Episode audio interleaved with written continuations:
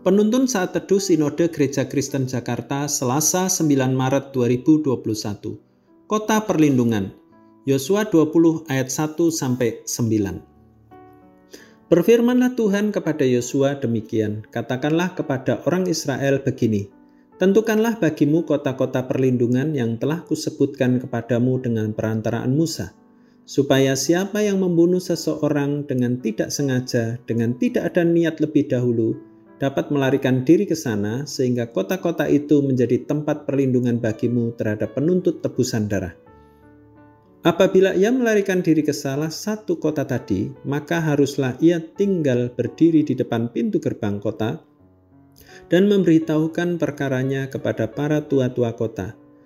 Mereka harus menerima dia dalam kota itu dan memberikan tempat kepadanya, dan ia akan diam pada mereka.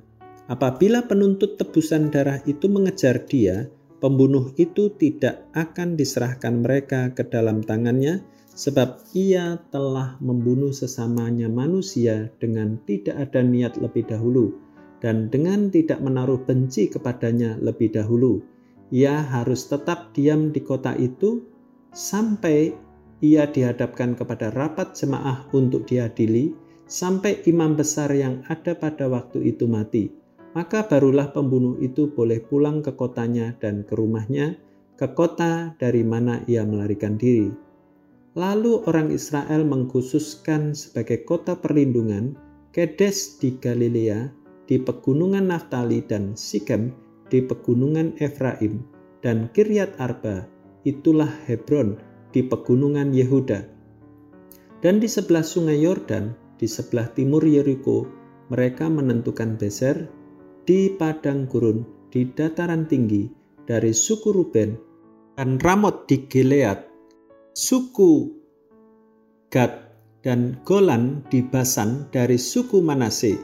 Itulah kota-kota yang ditetapkan bagi semua orang Israel dan bagi pendatang-pendatang yang ada di tengah-tengah mereka, supaya setiap orang yang membunuh seseorang dengan tidak sengaja dapat melarikan diri ke sana dan jangan mati dibunuh oleh tangan penuntut tebusan darah sebelum ia dihadapkan kepada rapat jemaah.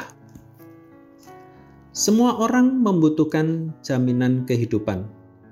Terlebih lagi bagi mereka yang melakukan kesalahan yang tanpa sengaja telah menyebabkan nyawa orang lain hilang.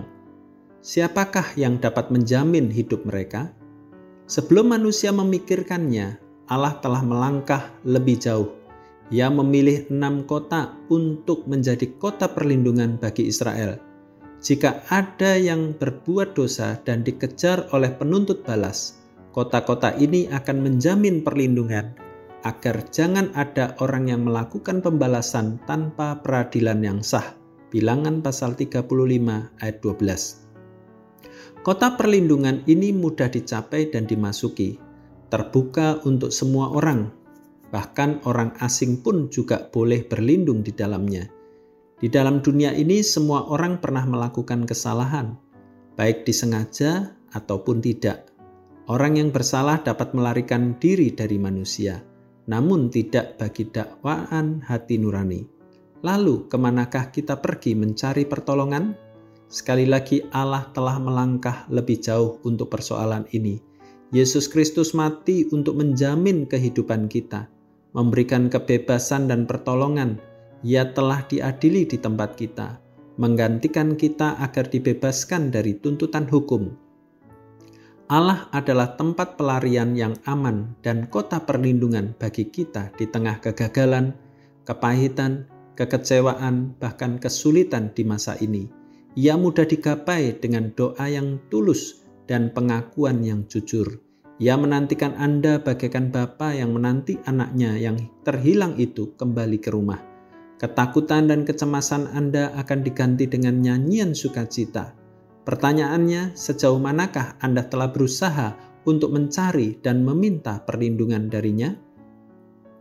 Aku mau menyanyikan kekuatanmu. Pada waktu pagi aku bersorak-sorai karena kasih setiamu, sebab engkau telah menjadi kota bentengku, tempat pelarianku pada waktu kesesakanku. Mazmur 59 ayat 17. Tuhan Yesus memberkati.